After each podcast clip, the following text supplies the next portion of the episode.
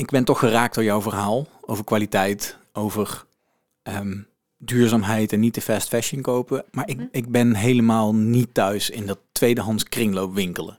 Ja. En ik ga hier dadelijk loop ik zo'n grote kringloop in met zo'n afdeling waar ze alles maar in één maat hebben. Mhm. Waar eh, de meeste dingen dus eigenlijk op kleur hangen in plaats van, of kleur Ja. op soort, zeg maar, in plaats van op Ja. de juiste combinatie, zeg maar. Waar geen verkoper rondloopt die mij het juiste advies kan geven.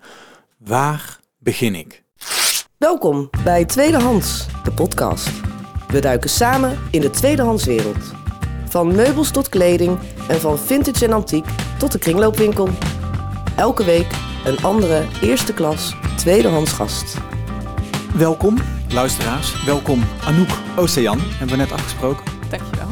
En wij zitten hier eh, in, eh, zoals ik altijd zeg, de krochten van de Nieuwe Vorst. Voor het Tweedehands Festival, wat plaats gaat vinden in Tilburg. Namelijk 24, 25 en 26 maart. Verschillende locaties in Tilburg. En wij vinden dat eh, Tilburg eh, ja, de stad is om tweedehands aan de slag te gaan. En wij nemen dit, deze podcast nemen wij op om mensen te inspireren om meer aan de slag te gaan met tweedehands spullen. Dat kan zijn in de kringloop, dat kan zijn via Marktplaats, dat kan ook zijn via een van die hele leuke tweedehands winkeltjes waar eigenlijk meer wordt gecureerd, zoals we dat dan noemen. Dat gaan we straks uitleggen. Waar je eigenlijk de parels makkelijker kan vinden omdat ze al voor je uitgeselecteerd zijn. En. Anouk, daar gaan wij het over hebben. Mhm. Jij bent speciaal overgekomen uit Amsterdam. Zeker. En eigenlijk begon ons voorgesprek erbij ehm, dat wij als Tilburgers ons een beetje gingen verdedigen dat Tilburg ook een hele leuke stad was. Was jij Ja. dat ook opgevallen? Eh, ja, zeker. Het was zo van, oh ja, ja jij komt uit Amsterdam. daar heb je heel veel leuke winkels. En ik verwacht eigenlijk dat dat in Tilburg ook zo is. Maar ik moet ook eerlijk zeggen dat ik dus nog niet zoveel heb verkend in Tilburg. Nee. Maar- Dus je hebt eigenlijk geen idee. Dus het was goed dat wij jou even in, Ja. intreden lieten, lieten doen in onze stad. Ja, ja. zeker. Ja. Eh, We springen er zo helemaal middenin. Hè? Dat is hartstikke mooi, want we hebben een heel mooi begin van een verhaal. Jij komt dus uit Amsterdam Ja. en je hebt een winkel. Klopt. Ehm Reveuse Reveuse. Vintage. Vintage. Vintage. Ja. Oh, dus de Frans-Engels. Frans, Engels, Nederlands, wat je wil. Iedereen is welkom. En zover mijn Franse kennis reikt, is rêveuse eh, is een dromende. Ja, een ehm, droomster. Het is de, de vrouwelijke versie van dromer. Aha. En ehm, het heeft nog als bij ehm, betekenis idealist. Dus ik heb de naam gekozen omdat ik eigenlijk met wat ik doe natuurlijk iets goeds wil doen voor de wereld. Of misschien dat ik wel droom over een mooiere wereld. Ja. Dus dat vond ik een passende naam. Nou moet ik wel zeggen dat ik ben begonnen op Instagram. Dus die naam had ik eerst geschreven en ik vond het mooi en het had een dakje. En toen opende ik de winkel en gingen mensen daar ook over praten. En toen dacht ik, kut, niemand kan dit uitspreken. Ehm, maar goed, als mensen nu zeggen, die leuke roze winkel op de Bilderdijkstraat in Amsterdam, helemaal prima. Ja, Als ze het uiteindelijk weten te vinden, is het goed. ja, want hij valt op, hè? Hij valt zeker Ja, op. de hele pui is roze. De hele puisroze. Was dat en, al? eh, Want jij, jij huurde ineens ehm, een winkeltje. Ja, Om je winkeltje mag ik wel zeggen. Hè? Niet, Ja, niet, dat is niet natuurlijk. denigreren, Nee. maar het is gewoon een heel klein het winkeltje. is een heel klein winkeltje. Ja, die huurde jij ineens eh, om je droom na te Ja. jagen. Ja, Was die al roze? Nee, ehm, helemaal niet. Ehm, daarvoor had een hele minimalistische, eh, ja, soort, eh, hoe moet ik dat zeggen, vegan, raw, energie, snackballen winkel. En dat, zij was Zweeds, dus alles was wit met soort van zwarte en beige accenten. Ja, maar er is een speciale naam voor. Hè? Dat is het, eh, dat, een beetje het Airbnb-gevoel. Ja, ik denk het wel. Ja, Ja. gewoon heel generic. Dus alles was, ja, het was in principe helemaal kaal voor mij om nog aan te kleden. Ehm, en ik heb er best wel lang over gedaan. Ik had ook overstroming in het begin, dus dat gaf me nog een extra maand om eh, nog meer na te denken over de inrichting. Ehm, de, de overstromingen kwamen niet uit het kanaal, neem ik aan. Nee, eh, wel uit het riool. Oh, ik weet dat niet is of niet dat beter is. Nee, dat, nou ja, ongeveer hetzelfde daar, toch?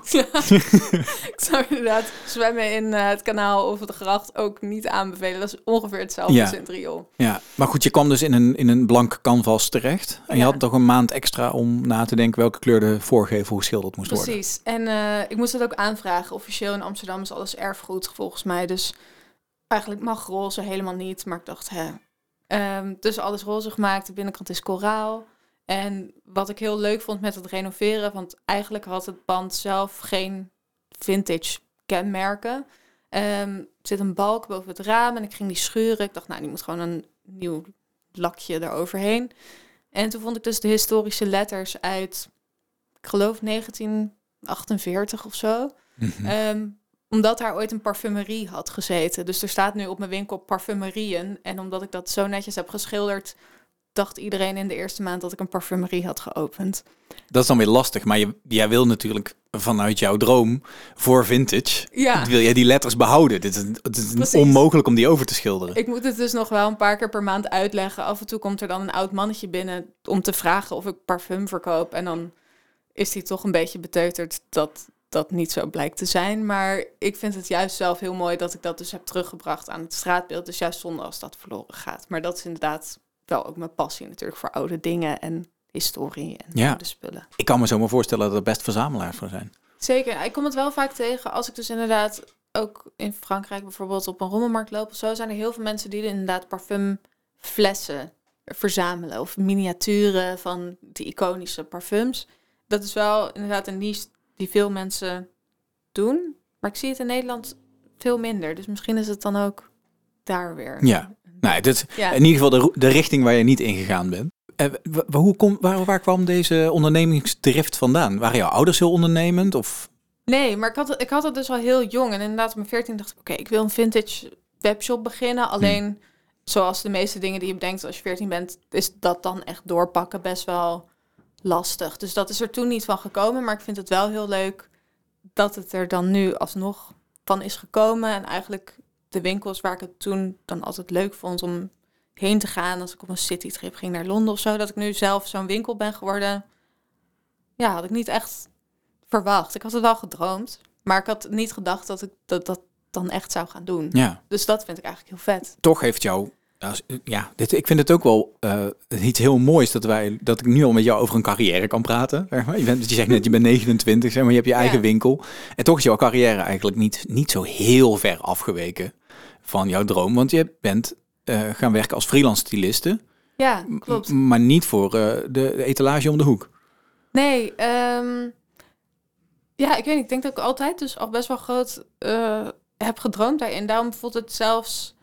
Maar dat is ook heel erg de, de Nederlandse modewereld. En dat, dat is eigenlijk niet zo. Maar dat voelt zo dat juist dat ik een winkel ben geopend... voelt dan bijna een stap terug. Mhm. omdat de ambitie in, in de kringen waar ik in zat als stylist zoveel groter nog is, dat een winkel een soort van bijna een rustige, rustige stap voelt. Oh, Ehm, want ik heb heel lang eh, andere stylisten geassisteerd en ook als stylist gewerkt voor tijdschriften. ja, maar noem maar eventjes toch even een stukje name dropping. Oké, nou, ik heb een hele tijd gewerkt voor eh, Glamour Nederland en Vogue Nederland. Dat zijn serieuze namen. In, Ja. de, in de fashion. Mag ik, zeggen, dat, mag ik dat zo zeggen? Ja, zeker. Ja. Nou, dat is ook wel in Nederland. wa- Was Vogue gewoon als je het meest high fashion in Nederland, dat is Vogue. Dus als je dat wil, dan moet je daarvoor werken. Maar ja, je werkt dan ook met mensen die zelfs zeg maar, internationaal werken en internationale ambities hebben. En ehm ben ook regelmatig op reis geweest met Vogue om shoots in het buitenland te assisteren. En dat is super vet. En eigenlijk Mhm. als ik eraan terugdenk, dan denk ik, oh ja, eigenlijk mocht ik dan op vrij jonge leeftijd al super coole dingen doen voor mijn werk. Ehm, Zoals je het vertelt, Ja. klinkt het een beetje alsof je daar zomaar met je neus ingevallen bent. Maar dat kan bijna niet. nee, ik, ja, dat, dat voelt soms ook zo. Maar ik denk omdat ik dus wel die drive al heel lang had. Een soort van vuur in me. Dat ik soort van dacht van oké, ik wil dit worden. Dus ik ga gewoon alles eraan doen om dat te doen. Dus ja, Wat is dit? dit? Jij zegt ik wil dit worden, maar wat Ja. is dit? Nou, ik wou heel lang dan echt stylist worden voor tijdschriften en dat internationaal doen. Maar uiteindelijk toen ik erin zat, en dat is ook wel een leuk bruggetje naar waarom ik dan eindelijk een vintage winkel ben geopend. ehm, ik kwam erachter dat juist dat vintage iets is wat heel erg in mij zit. En dat eigenlijk het werk wat ik deed me heel erg forceerde om dus elk seizoen te kijken naar de nieuwe collecties. Dus meer, zeg maar, in ieder geval twee, maar vaak vier keer per jaar nieuwe collecties kijken, bedenken wat mensen willen gaan kopen, dat op een pagina in Vogue zetten. En eh, ik heb een jaar lang ook dan de shoppingpagina's gedaan bij Vogue. En dan is het gewoon elke maand acht thema's bedenken Mhm. waarin je producten moet plaatsen. Eigenlijk om mensen een soort van hebberig te maken in die grote shopmachine. En soort van ze te vertellen van de trend is geel. Je moet nu gele schoenen kopen, weet je wel? En ehm, wat, wat maakt het? Want je, je, ja, je zou zeggen, je bent een pad ingeslagen. Ehm, je weet dat je meteen vrij hoog daarin in op te werken, zou ik eh, zeggen. Of te positioneren. Of misschien ben je er Ja. met je neus ingevallen. Maar ja, Ja. je zegt zelf dat je met je ambitie daar toch wel echt terecht bent gekomen. ja, en ineens sla je een andere weg in. Ja, ik heb daar wel... Als mensen me daar naar vragen, is er altijd wel één ding wat ik dan aanhaal. En dat is dat we dus voor Vogue een Earth issue gingen maken. Dus een sustainable nummer. En ik mocht daar dan de shop-editie. Maar dat is natuurlijk al best wel omstreden. Want Earth en shoppen is meestal wel een lastige combinatie. Mhm. Idealiter shoppen we een stuk minder voor de Earth. Maar goed, eh, tien pagina's. eh, we gaan ze toch vullen. En dus ik had heel veel moeite gedaan om heel veel eh, upcycling designers en ja, merken die wel echt iets goed doen aan duurzaamheid. Het is altijd lastig om dat helemaal goed te doen, maar om in ieder geval mensen een platform te geven die hun best doen, dat op de best mogelijke manier te doen. Werd dat toen aangewakkerd? Of was dit iets wat, al, wat je al bezig hield? Ja, ik heb, nou, voor mezelf shop ik eigenlijk dus al zo lang als dat ik voor mezelf shop heel veel tweedehands en vintage. Ja. Dus ja, dat is wel iets waar ik mee bezig ben, maar ook in mijn andere eh, consumeren eh, voor meubels, maar ook voor eten, voor heel verschillende dingen hou ik me wel echt bezig met duurzaamheid. Dus eigenlijk was dat nummer op mijn lijf geschreven. Ik dacht, nou, hè, ik kan nu eindelijk dat gaan doen waar die twee passies elkaar ontmoeten. Maar wat mij heel erg teleurstelde op dat moment was...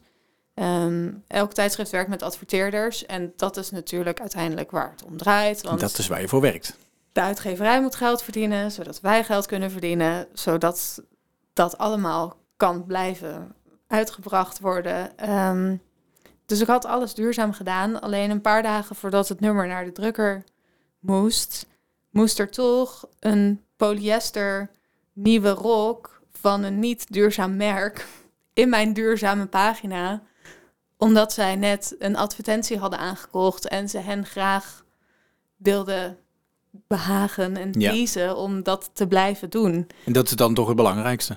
En dat is dan dus blijkbaar belangrijker Ja. dan het moraal van we doen iets goed. En dat is heel begrijpelijk. En ook iedereen waarmee ik het daarover had, die zei ook van ja, maar weet je hoe goed het wel niet is dat je voor 95% een duurzame pagina hebt kunnen afleveren. En dat is ook helemaal waar, maar ik weet niet, ik was, het heeft me wel gewoon aan het denken gezet over dat je als stylist dus heel erg wordt geforceerd om eigenlijk die grote money machine draaiende te houden van de H&M's en van de mensen die eigenlijk de wereld kapot maken. Dus dan kan ik wel iets doen wat heel mooi en creatief is en me in dat vlak wel voldoening geeft. Maar als dat tegelijkertijd betekent dat ik mensen aanspoor om steeds maar meer te kopen, omdat ik het zo leuk heb ah, verkocht aan ze. Ja, ik weet niet. Dat vond ik wel lastig aan, aan die tak van sport. Van, Ging, aan- het- ging het je tegenstaan? Ja, een beetje wel. Ja. Ja, terwijl ik vond mijn werk heel leuk en ik ben daar ook niet acuut mee gestopt. Dus ik gewoon, het heeft me aan het denken gezet. En toen dacht ik, weet je wat, ik ga gewoon, zoals in heel veel andere eh, steden en landen al een beetje gaande was. Maar in Nederland had je op dat moment nog niet zoveel vintage verkopers via Instagram. Dus ik dacht, ik ga dat gewoon proberen. Ik zie dat het werkt in Parijs en ik volgde meiden in Londen die dat deden. En ik dacht, dat ga ik gewoon proberen. En toen heb ik een diepte-investering gedaan voor 300 euro aan vintage, die ik inderdaad met de hand had uitgezocht. Ik dacht, nou, ik ga hier gewoon een keer foto's van maken. en Was dat veel het geld voor jou toen? Oh, ik vond het. eh, oh, ik, Of was het echt, eh, spannend? het was heel spannend. Ja. Het was ook wel. Het was niet extreem veel geld voor mij, maar het was wel dat ik dacht. Ga echt balen als ik hier niks van verkoop. Ja. Of als ik zeg maar mijn investeringen hier niet uithaal. Nou, dan, dan zit ik met die kleding. Maar had je ondertussen dan ook geen lopende opdrachten meer? Of, of deed je dit ernaast? Of, dus je had nog wel enige veiligheid om in te opereren. Ja, zeker. Ja. Ik heb eh, eigenlijk een jaar lang eh, via Instagram verkocht.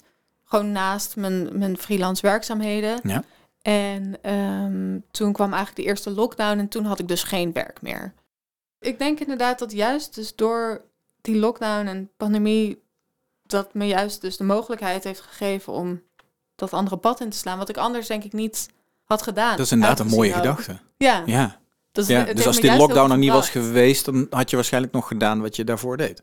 Ja, en misschien was mijn Instagram dan nog gewoon een Instagram... waar ik op vrijdag blouses zou posten. Ja. Wat ook helemaal go- goed was geweest hoor. Maar ik ben best wel blij dat ja, het zo is gelopen en ik dus iets anders ben gaan doen. Ja. Ja. Weet je, want je had dus, nou, je, had gewoon een goede baan. Eh, je, Ja. je leeft in Amsterdam.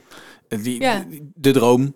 Eh, je had een Instagram-account waar je af en toe eens wat, wat dingen die je echt zelf leuk en interessant vond op kon verkopen. Je wist vanuit jouw achtergrond in de fashion een beetje waar je naar moest kijken. Je wist de parels er toen al toch wel uit te, te vissen. Ehm, kocht je alleen maar kleding? Of, of waren er ook al wat leuke side tables bij? Of, of mooie lampen? Of... Nee, het was alleen kleding in het begin. En op een gegeven moment ben ik wel ook bijvoorbeeld wat tasjes en zo gaan toevoegen. Maar over het algemeen kleding. Ja. Ja. Veilige, ja, ik wil zeggen veilig, maar dus de wereld die je kende. Ja, zeker. Ja. Ja. ja. Inderdaad, gewoon wat ik gewend was. En ook wat ik wel dacht en wist vanuit mijn omgeving wat meiden dan leuk vinden. Ja. Ja. Eh, Zijn er andere dingen bijgekomen sinds jij je winkel, echt je fysieke winkel hebt? Of Ja, bijgekomen en ook weer een beetje weggegaan. Ehm, wat is er gebeurd tussen het Instagram-account en ja, de fysieke bakstenen winkel? uiteindelijk toen ik mijn winkel heb geopend, heb ik ook veel eh, glaswerk en keramiek eh, verkocht. En dat, nou, kwam ik eigenlijk achter dat ik dat dus ook heel leuk vind. Gedurende dat proces van het inkopen, dat ik dacht, oh, dit vind ik eigenlijk ook heel interessant en leuk. En heb ik daar ook weer, ja, het leukste aan dat vintage inkopen is dat je eigenlijk elke keer ontwerpers of soort van stromingen ontdekt. En dan kan je zowel op internet als in het echt een soort van deep dive doen naar die spullen. Ik denk dat dat het ook wel leuk houdt, want er is zoveel dat je elke keer nieuwe dingen ontdekt. Maar eh, mijn winkel, zoals je weet, is best wel klein. Dus ik ja, had... 24 vierkante meter om precies te zijn. Ja, En je moet er ook nog doorheen kunnen lopen. Precies. Dus ik, eh, nou, het was vooral kleine, kleine spullen, dus vaasjes, wijnglazen, frutsels.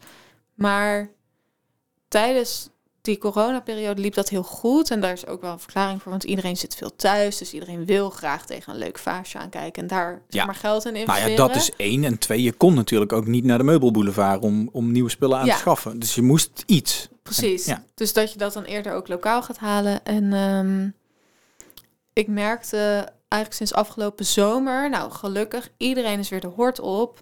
En leuke dingen aan het doen en wil er leuk uitzien.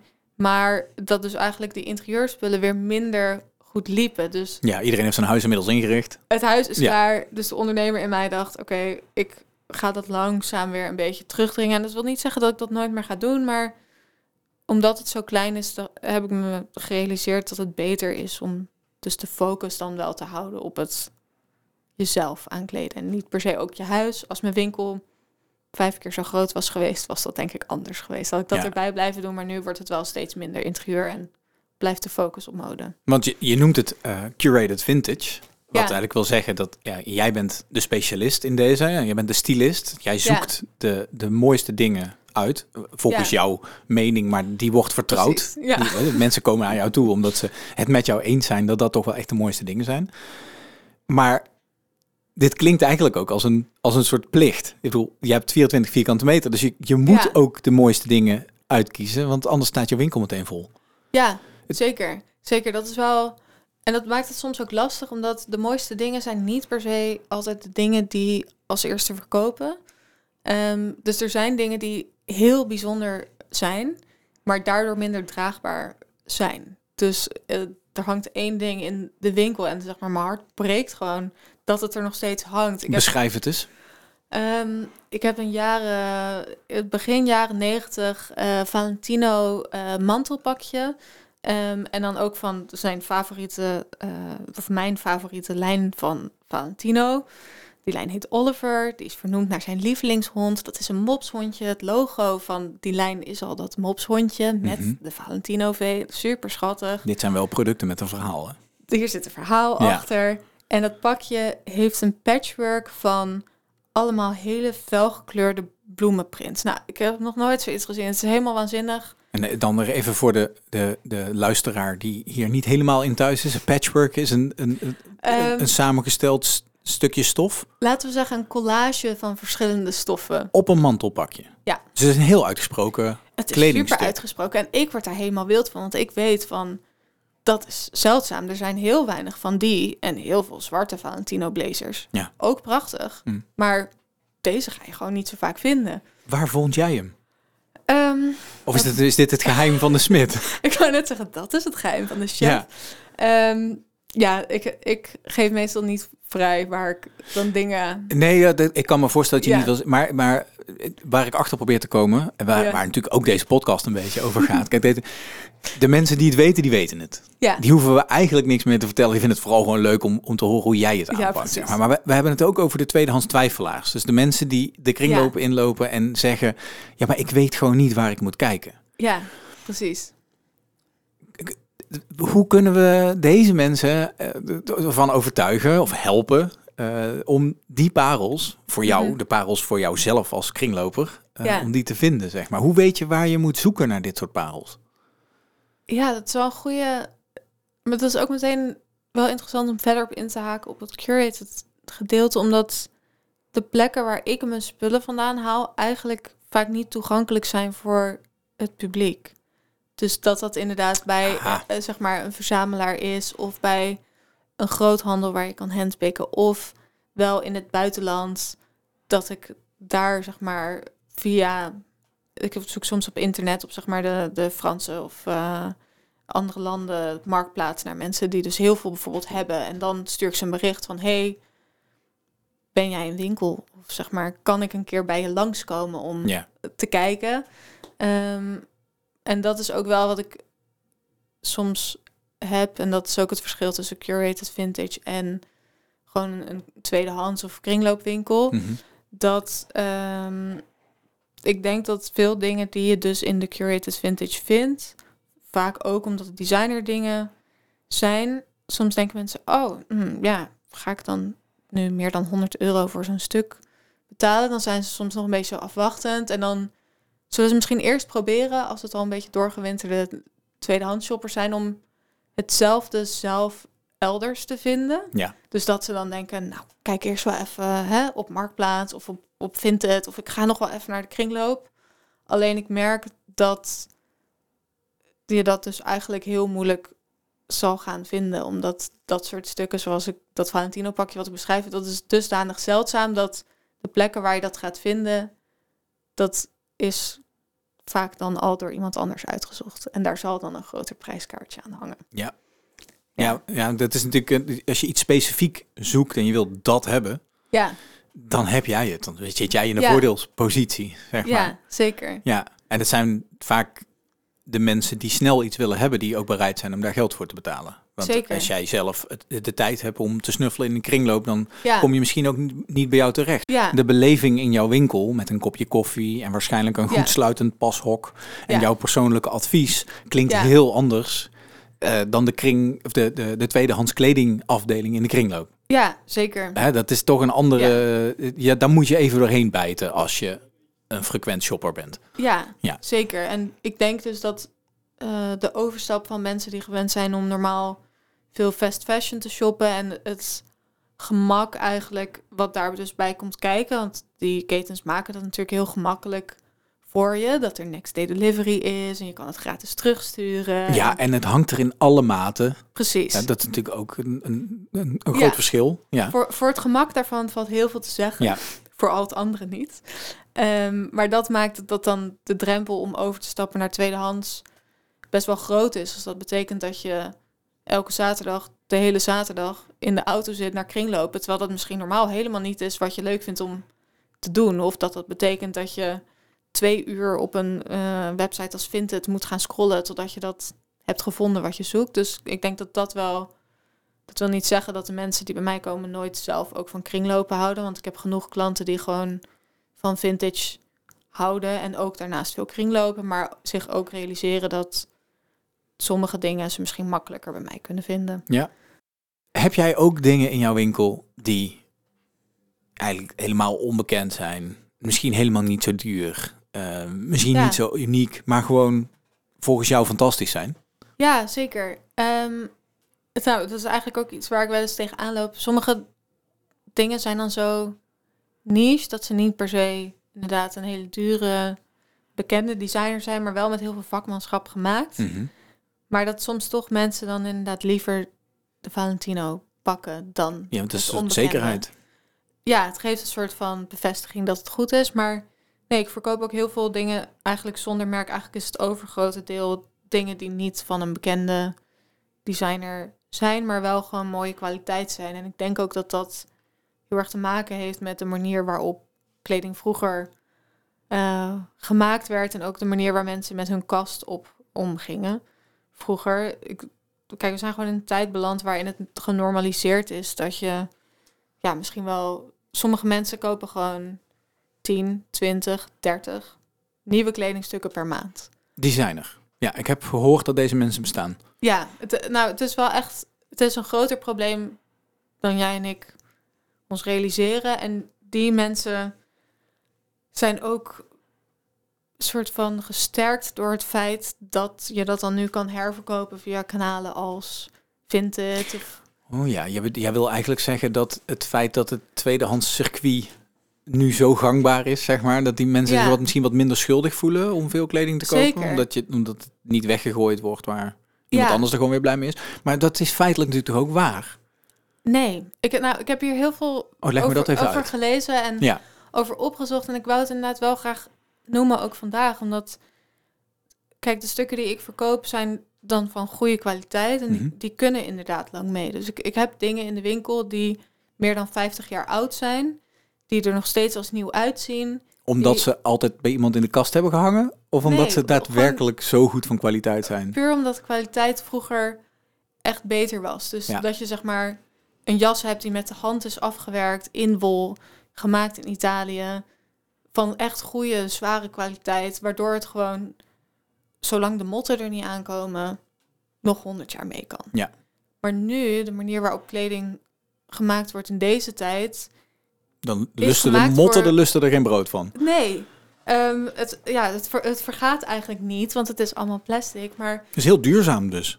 Ja, helaas, als het nog beter in elkaar was gezet, misschien wel. Maar het valt ook snel gewoon na een paar keer dragen uit elkaar. Ja. Dus ook de, de lifespan van zoiets is gewoon... Je denkt van, ja, maar ik zet het toch daarna weer online. Maar alsnog wordt het dan misschien maximaal tien keer gedragen. En er komt een moment dat het niet meer bruikbaar Ja. is. Ja, dus de, de, de, De de circulariteit stof- is eigenlijk heel gelimiteerd voor de dingen die we nu vaak Ja. Dragen Ja. en herverkopen. Dus, dus het kan wel zijn dat het weer in, opnieuw in het circuit terechtkomt, maar het gaat gewoon veel minder lang mee. En daardoor is het eigenlijk toch gewoon afval.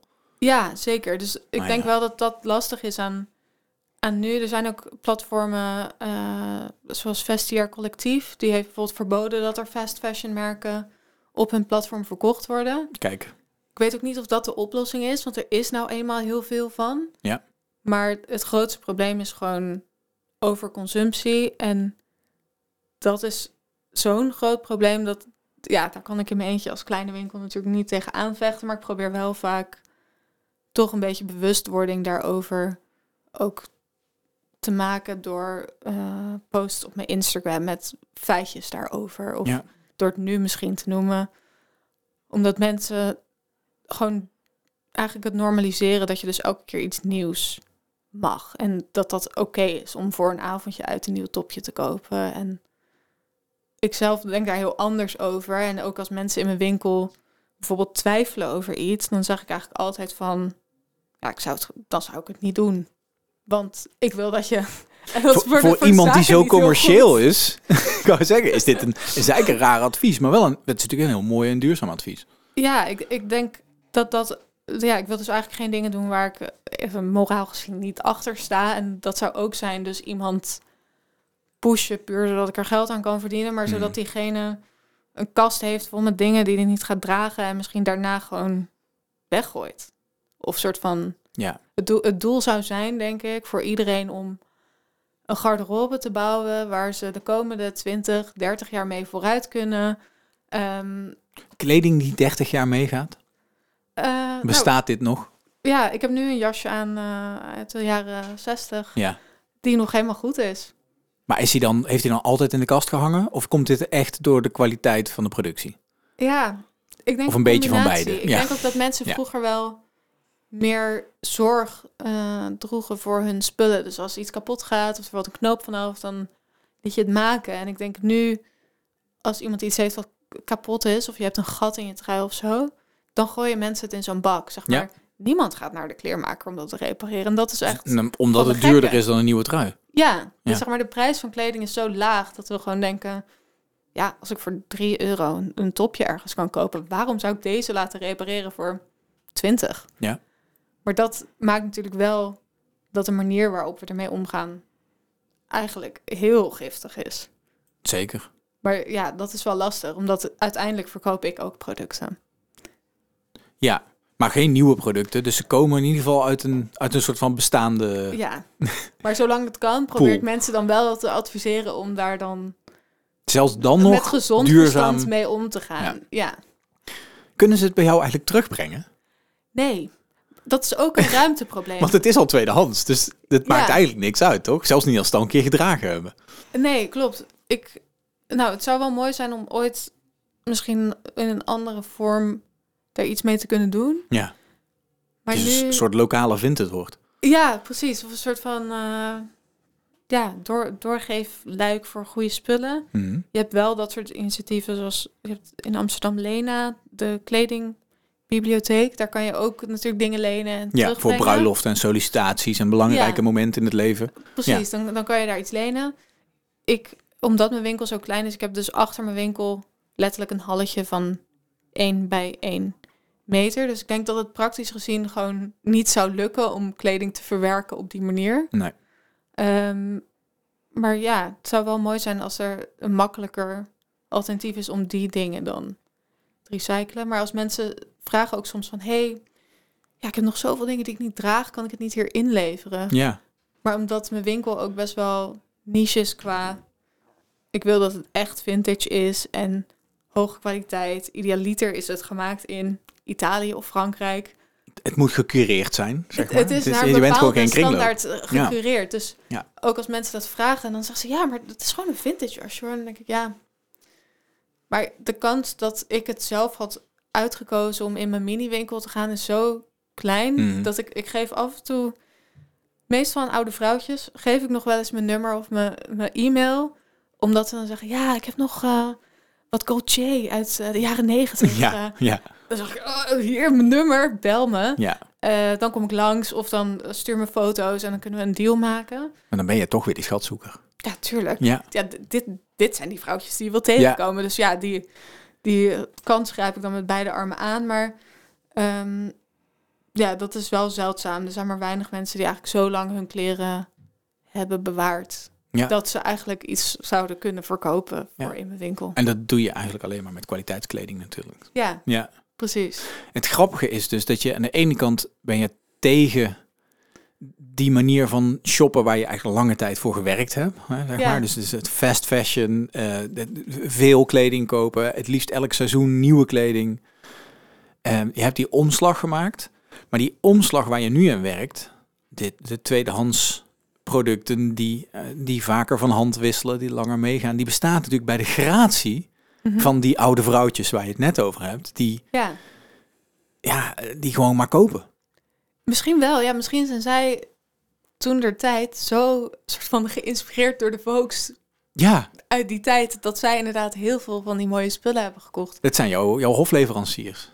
Eigenlijk wel. Ja, heb je nooit gedacht door, door nu mensen te inspireren om al deze mooie kledingstukken te kopen, ehm, bied ik de jeugd over 20, 30 jaar de kans om designklassiekers te kopen? Of is dit veel te filosofisch?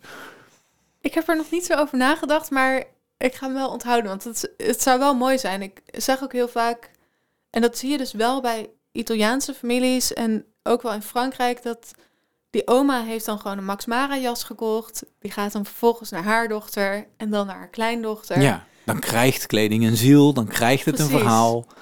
Dan heb je foto's van Ja. inderdaad die familieleden die ooit zijn getrouwd in die blouse. Weet je wel, ja, het gaat gewoon dan van generatie op generatie. En dat zou heel mooi zijn, dat als mensen inderdaad een mooi stuk kopen, dat dat ook doorgaat naar hun kinderen. Ja. Dat is de droom.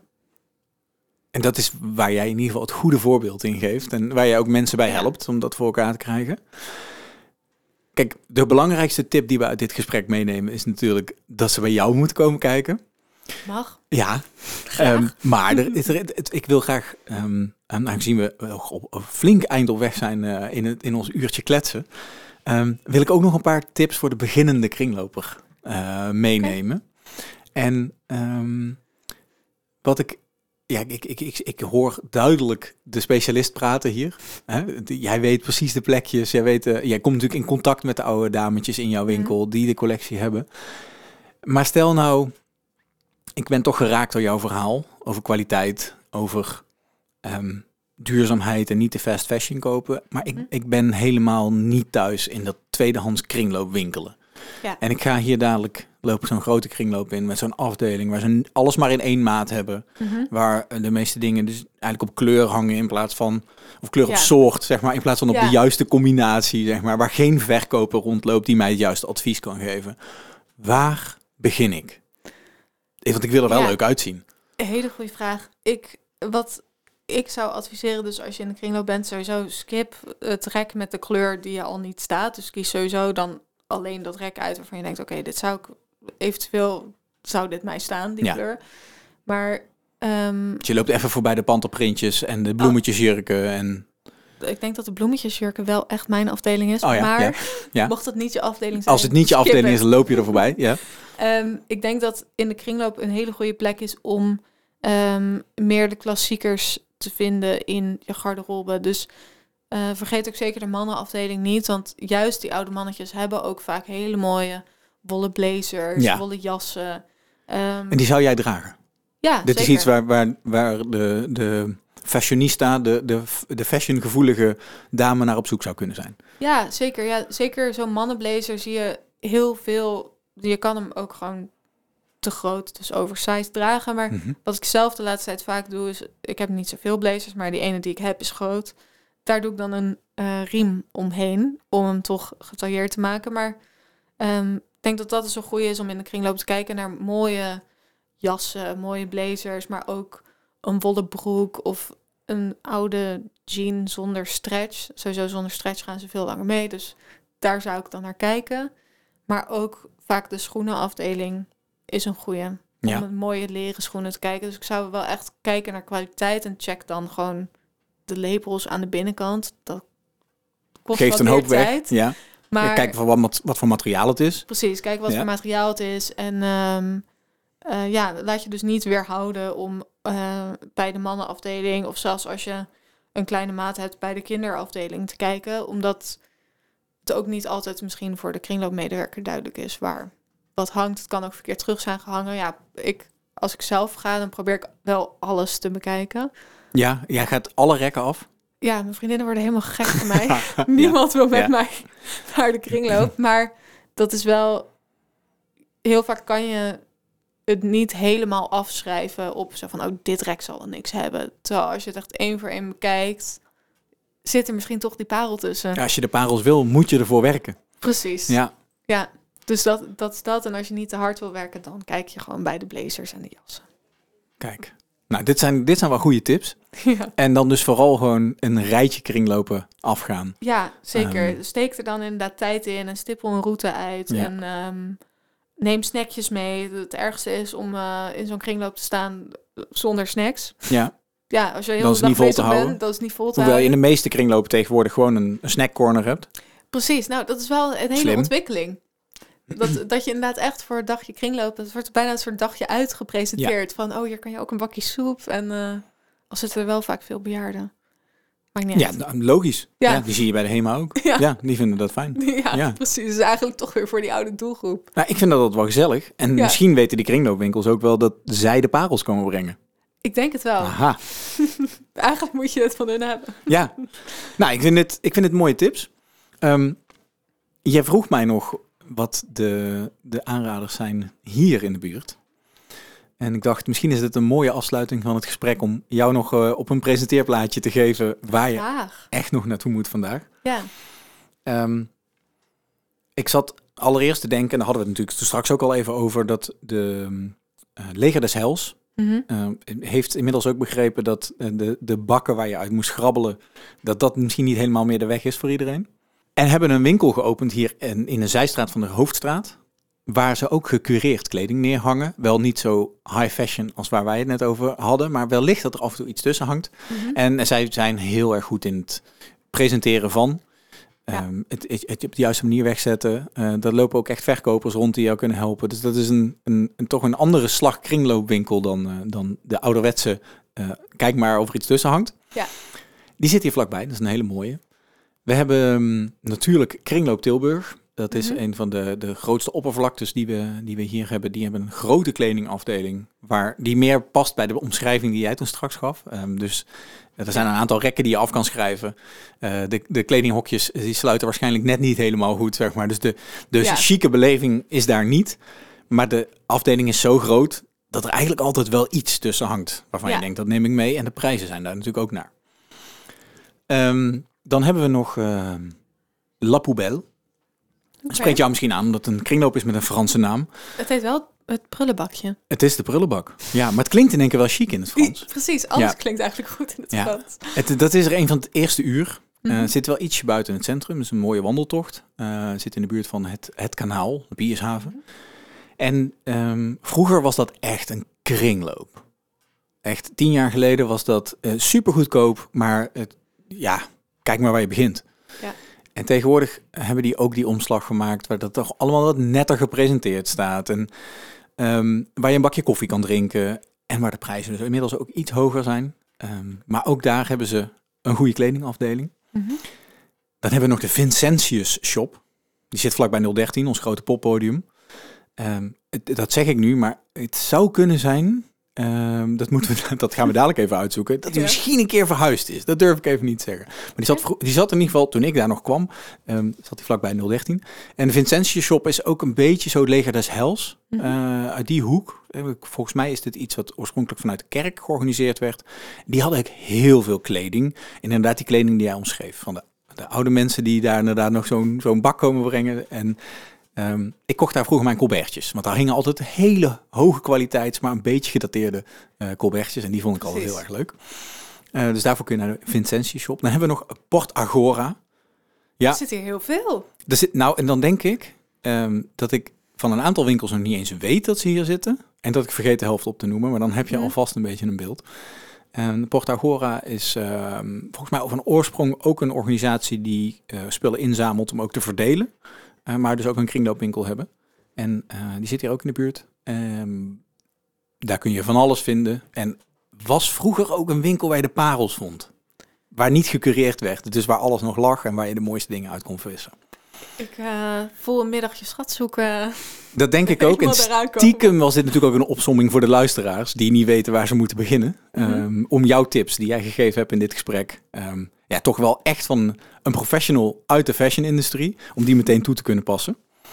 Ehm, ik vond het een heel leuk gesprek. Ik ook. Eh, ik heb er best stiekem best veel van geleerd, want ik ben niet zo heel modebewust. Ik vind het wel Mhm. leuk om er leuk uit te zien, maar ik ben nooit bezig met de laatste mode. Maar deze kijk eh, en eigenlijk ook deze on- dit ondernemerschap wat jij neerzet, vond ik erg leuk om te horen hoe jij daarin terecht bent gekomen. En ehm, ja, ik hoop dat ik jou weer eh, tegenkom op het Tweedehands Festival. En dan de derde, de vierde en de vijfde editie in de komende jaren. Ik hoop het. Nou, ik hoop eigenlijk, als ik een beetje mag dromen voor Tweedehands het Festival, dat het zich ook nog uitbreidt naar andere steden. Maar we gaan eerst Tilburg doen. Nou, laten we dit als een uitnodiging beschouwen. Eh, en laten we eens een keer goed beginnen ehm, met, de, met de eerste editie hier in Tilburg. Ja, ik heb Dankjewel voor je tijd. Dankjewel. En ehm, ja, tot bij jou in de winkel. Graag. Tot snel. Hoi. Doei. Bedankt voor het luisteren. Benieuwd naar de volgende afleveringen? Abonneer je via Spotify.